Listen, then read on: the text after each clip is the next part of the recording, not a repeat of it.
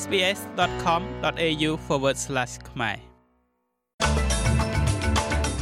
ការផ្ដោតអារម្មណ៍ធ្លាក់មកលើព្រឹទ្ធសភាក្រោយច្បាប់បំរែបំរួលអាកាសធាតុរបស់រដ្ឋាភិបាលឆ្លងផុតសភាជាន់ទាបអូស្ត្រាលីនឹងមិនផ្លាស់ប្តូរជំហររបស់ខ្លួនលើកោះតៃវ៉ាន់បើទោះបីជាដំណើរទស្សនកិច្ចទៅកាន់កោះនេះរបស់ប្រធានសភាអាមេរិកបានធ្វើឲ្យចិនខឹងសម្បាក៏ដោយ មានប្រតិកម្មយ៉ាងខ្លាំងចំពោះការចាប់ខ្លួនកីឡាករនីបាល់បោះអាមេរិកដាក់ពន្ធនាគារលើបទចោទប្រកាន់គ្រឿងញៀននៅរុស្ស៊ីរដ្ឋាភិបាលសហព័ន្ធនិយាយថាការអនុម័តច្បាប់ស្តីពីការប្រែប្រួលអាកាសធាតុរបស់ខ្លួនតាមរយៈសភាជាន់ទាបតំណាងឲ្យការបិទបញ្ចប់ទស្សវត្សនៃភាពមិនច្បាស់លាស់លើការបំភាយឧស្ម័នផ្ទះកញ្ចក់ គេរំពឹងថាសេចក្តីព្រៀងច្បាប់នេះនឹងឆ្លងព្រឹទ្ធសភាបាន បន្ទាប់ពីមេដឹកនាំបក Green លោក Adam Ben បានបង្ហាញថាគណៈបកលោកនឹងគ្រប់គ្រងច្បាប់នេះរដ្ឋាភិបាលត្រូវការសម្លេងគ្រប់គ្រងពីសមាជិកព្រឹទ្ធសភាបក Green ទាំង12រូបនិងយ៉ាងហោចណាស់សមាជិក Crossband ម្នាក់ទៀតដើម្បីឲ្យច្បាប់នេះអនុម័តបានប៉ុន្តែឧបនាយករដ្ឋមន្ត្រីលោក Richard Marles បានប្រាប់ស្ថានីយទូរទស្សន៍ប៉ុស្តិ៍លេខ9 ថាបក Labor មិនចាំបាច់ផ្ដល់អ្វីដល់បក Green នៅក្នុងវិស័យផ្សេងទៀតដើម្បីធានាបានការគ្រប់គ្រងរបស់ពួកគេនោះទេ។ What we've put before the parliament is a អ្វីដែលយើងបានដាក់នៅចំពោះមុខសភាគឺជាផ្នែកមួយនៃច្បាប់ដែលស្របទាំងស្រុងជាមួយនឹងអាណត្តិដែលយើងបានទទួលនៅថ្ងៃទី21ខែឧសភាខ្ញុំមានន័យថា43%គឺជាគោលដៅដែលយើងបាននិយាយយើងបានយកទៅប្រាប់ប្រជាជនអូស្ត្រាលី 43%គឺជាគោលដៅដែលមាននៅក្នុងច្បាប់នេះដែលកំពុងតែឆ្លងកាត់សភានេះ។មេដឹកនាំបក Liberal លោក Peter Dutton បានការពារនៅសេចក្តីសម្រេចចិត្តរបស់បកសម្ព័ន្ធនៅក្នុងការប្រឆាំងទៅនឹងច្បាប់ស្តីពីអាកាសធាតុនេះលើកលែងតែសមាជិកសភារដ្ឋ Tasmania មួយចេញគឺលោកស្រី Bridget Archer ដែលបានឆ្លងបកបោះឆ្នោតគ្រប់គ្រងច្បាប់នេះ លោក Dutton បានប្រាប់ស្ថានីយទូរទស្សន៍ប៉ូលេខ9ថាគោលដៅកាត់បន្ថយការបំភាយឧស្ម័នកើនឡើងរបស់រដ្ឋាភិបាលទំនងជានឹងនាំមកនៅតម្លៃធម្មពលខ្ពស់សម្រាប់ក្រុមគ្រួសារ We're all for renewable energy and for a responsible យើងទាំងអស់គ្នាគ្រប់គ្រងធម្មពលកកើតឡើងវិញនឹងការឆ្លើយតបប្រកបទៅដោយការទទួលខុសត្រូវចំពោះកង្វល់បរិស្ថានដែលយើងទាំងអស់គ្នាមាន ក៏ប៉ុន្តែយើងត្រូវធ្វើវាតាមរបៀបដែលមិនចាំបាច់ត្រូវបិទភ្លើងអគ្គិសនីនោះទេលោកនាយករដ្ឋមន្ត្រីនិយាយថាអូស្ត្រាលីមិនផ្លាស់ប្ដូរជំហររបស់ខ្លួនទៅលើកោះតៃវ៉ាន់ទេ បន្ទាប់ពីដំណើរទស្សនកិច្ចទៅកាន់កោះនេះរបស់ប្រធានសភាអាមេរិកលោកស្រី Nancy Pelosi ដែលបានធ្វើឲ្យចិនខឹងសម្បារដ្ឋមន្ត្រីការបរទេសលោកស្រី Penny Wong បានអំពាវនាវឲ្យមានការបន្ធូរបន្ថយភាពតានតឹង នៅពេលដែលកិច្ចប្រជុំកម្ពុជាសន្តិសុខក្នុងតំបន់អាស៊ានកំពុងដំណើរការនៅទីក្រុងភ្នំពេញ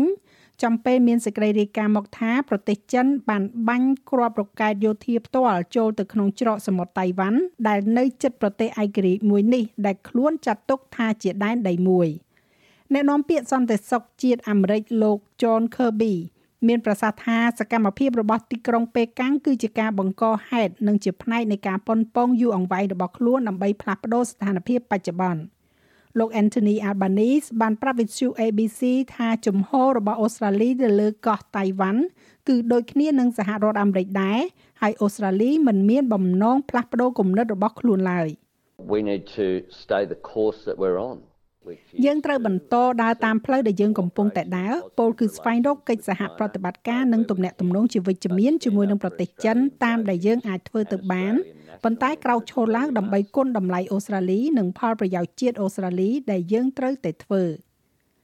នៅក្នុងប្រទេសកម្ពុជាវិញបន្ទាប់ពីចូលរួមកិច្ចប្រជុំរដ្ឋមន្ត្រីការបរទេសអាស៊ានអូស្ត្រាលីកាលពីរសៀលថ្ងៃទី4សីហារួចមកនោះលោកស្រី Penny Wong ដែលដៃស្ដាំត្រូវប៉ង់ស៊ីម៉ង់ ហើយរុំជាប់នឹងកក៏បានចូលទៅជួបពិភាក្សាការងារជាមួយនឹងលោកនាយករដ្ឋមន្ត្រីហ៊ុនសែនផងដែរ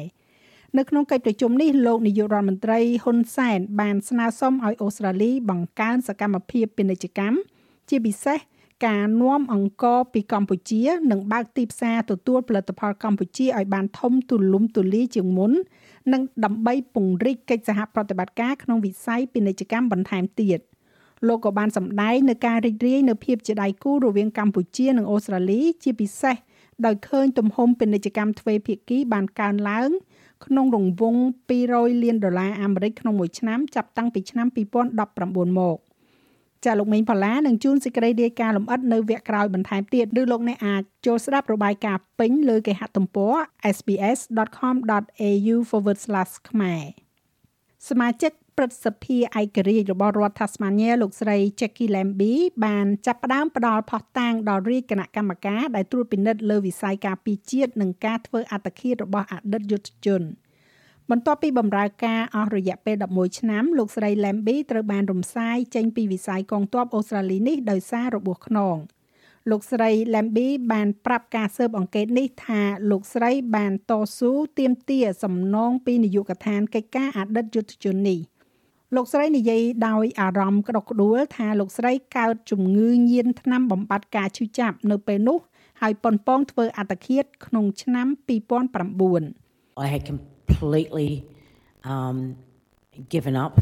on my life ខ្ញុំបានចោះចាញ់ទាំងស្រុងលើជីវិតរបស់ខ្ញុំគឺស្ទើរតែទាំងស្រុងចំពោះខ្ញុំខ្ញុំយល់ថាវាពិបាកណាស់នៅក្នុងការដែលអាចផ្ដល់នូវហេតុផលមួយ ដែលជាហេតុផលដើម្បីអាចបន្តរស់តទៅមុខទៀតបានសូម្បីតែដើម្បីជាប្រយោជន៍ដល់កូនកូនរបស់ខ្ញុំដោយសារតែខ្ញុំគិតជឿដូច្នោះហើយទើបខ្ញុំបានធ្វើឲ្យប៉ះពាល់ដល់ជីវិតរបស់ពួកគេជាច្រើន។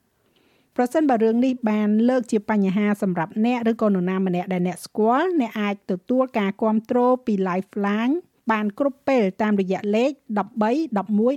14ហើយអ្នកក៏អាចហៅទូរស័ព្ទទៅខ្សែទូរស័ព្ទជំនួយគ្រួសារ Defense Family Helpline តាមរយៈ1800 624 608ហើយសេវាកម្មគ្រប់គ្រងនិងប្រឹក្សាក៏មានសម្រាប់អតីតយុទ្ធជននិងក្រុមគ្រួសារផងដែរតាមរយៈលេខ0 1800 011 046ឥឡូវយើងក៏លេខមកមើលរដ្ឋ Queensland វិញបរិះម្នាក់កំពុងតែស្ថិតនៅក្នុងការឃុំខ្លួនរបស់ប៉ូលីសជំវិញការបាញ់សម្លាប់មនុស្ស3នាក់នៅក្នុងផ្ទះនៅតំបន់ជនបទភាគខាងជើងនៃរដ្ឋនេះប៉ូលីសរដ្ឋ Queensland បានបញ្ជាក់ថាខ្មាន់កំភ្លើងដែលត្រូវបានចោទប្រកាន់នេះគឺជាមនុស្សម្នាក់ក្នុងចំណោមមនុស្ស3នាក់ដែលបច្ចុប្បន្នកំពុងត្រូវបានឃុំខ្លួនដោយប៉ូលីសស៊ើបអង្កេត។ នាយកស្ដីទីលោក Tom Ammett មានប្រសាសន៍ថាមិនទាន់មានការចោទប្រកាន់នៅឡើយទេ ហើយហេតុផលដែលអាចកើតមានសម្រាប់ការសម្លាប់នេះក៏មិនទាន់ត្រូវបានបង្កើតឡើងនៅឡើយដែរគេជឿថាខ្មាន់កំភ្លើងដែលត្រូវបានចោទប្រកាន់រូបនេះគឺជាអ្នកចិត្តខាងរបស់ជនរងគ្រោះដែលត្រូវបានគេបាញ់សម្លាប់ទាំង3នាក់ដែលសុទ្ធតែជាសមាជិកនៃក្រុមគ្រួសារតែមួយ ហើយបរិះទី4ដែលបានរួចផុតពីសេចក្តីស្លាប់ដោយសារការបាញ់ប្រហារនេះកំពុងតែស្ថិតនៅក្នុងមន្ទីរពេទ្យក្នុងស្ថានភាពនឹងណូប៉ុន្តែមានរបួសធ្ងន់ចំណែកឯព័ត៌មានអន្តរជាតិវិញ គេរំពឹងថាកប៉ាល់3គ្រឿងនឹងចាក់ចេញពីកំពង់ផែក្នុងប្រទេសអ៊ុយក្រែននៅថ្ងៃនេះដើម្បីដឹកទំនិញឆ្លងកាត់ច្រករបៀងមនុស្សធម៌ដែនសមុទ្រដែលបានបង្កើតឡើងក្នុងកិច្ចព្រមព្រៀងជាមួយនឹងប្រទេសរុស្ស៊ី។ មជ្ឈមណ្ឌលសម្របសម្រួលរួមនេះនិយាយថាខ្លួនបានអនុញ្ញាតឲ្យកប៉ាល់2គ្រឿងមកពីចណូមុកនិងមួយគ្រឿងទៀតមកពីអូដេសា ដឹកពោតជាង58000តោនតាមច្រករបៀងនេះក្រោមគំនិតផ្ដួចផ្ដើមក្របធញ្ញជាតិសមុទ្រខ្មៅ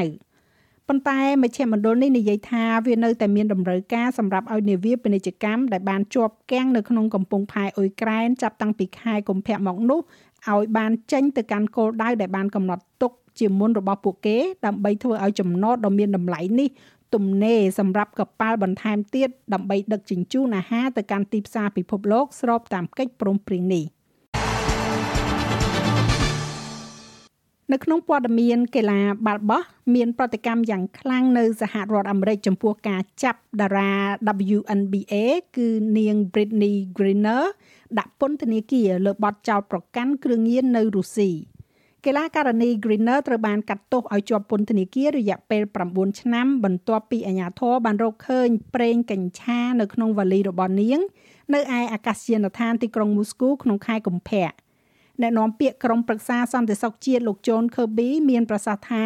លោកប្រធានាធិបតី Joe Biden ចូលរួមពាក់ព័ន្ធដោយផ្ទាល់នៅក្នុងកិច្ចពិភាក្សាដើម្បីឲ្យមានការដោះលែងកីឡាករនី Greener និងនាំនាងមកផ្ទះវិញ។ អនុប្រធានបេសកកម្មនៅស្ថានទូតអាមេរិកនៅទីក្រុងមូស្គូលោកស្រី Elizabeth Roth មានប្រសាសន៍ថាលោកស្រីក៏កំពុងតែជំរុញឲ្យមានការដោះលែងរូបនាងផងដែរដោយហៅសាលក្រមនេះថាជារឿងអយុត្តិធម៌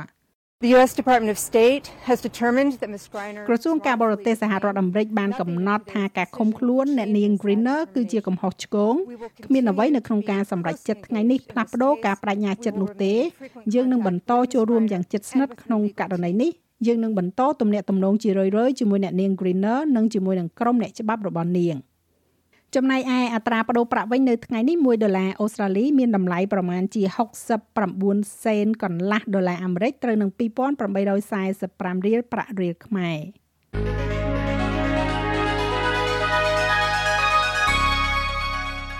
ឥឡូវយើងក៏លេខមកមើលការព្យាករណ៍អាកាសធាតុសម្រាប់ថ្ងៃសៅរ៍ស្អែកនេះវិញ ទីក្រុងផឺតរលឹម17អង្សា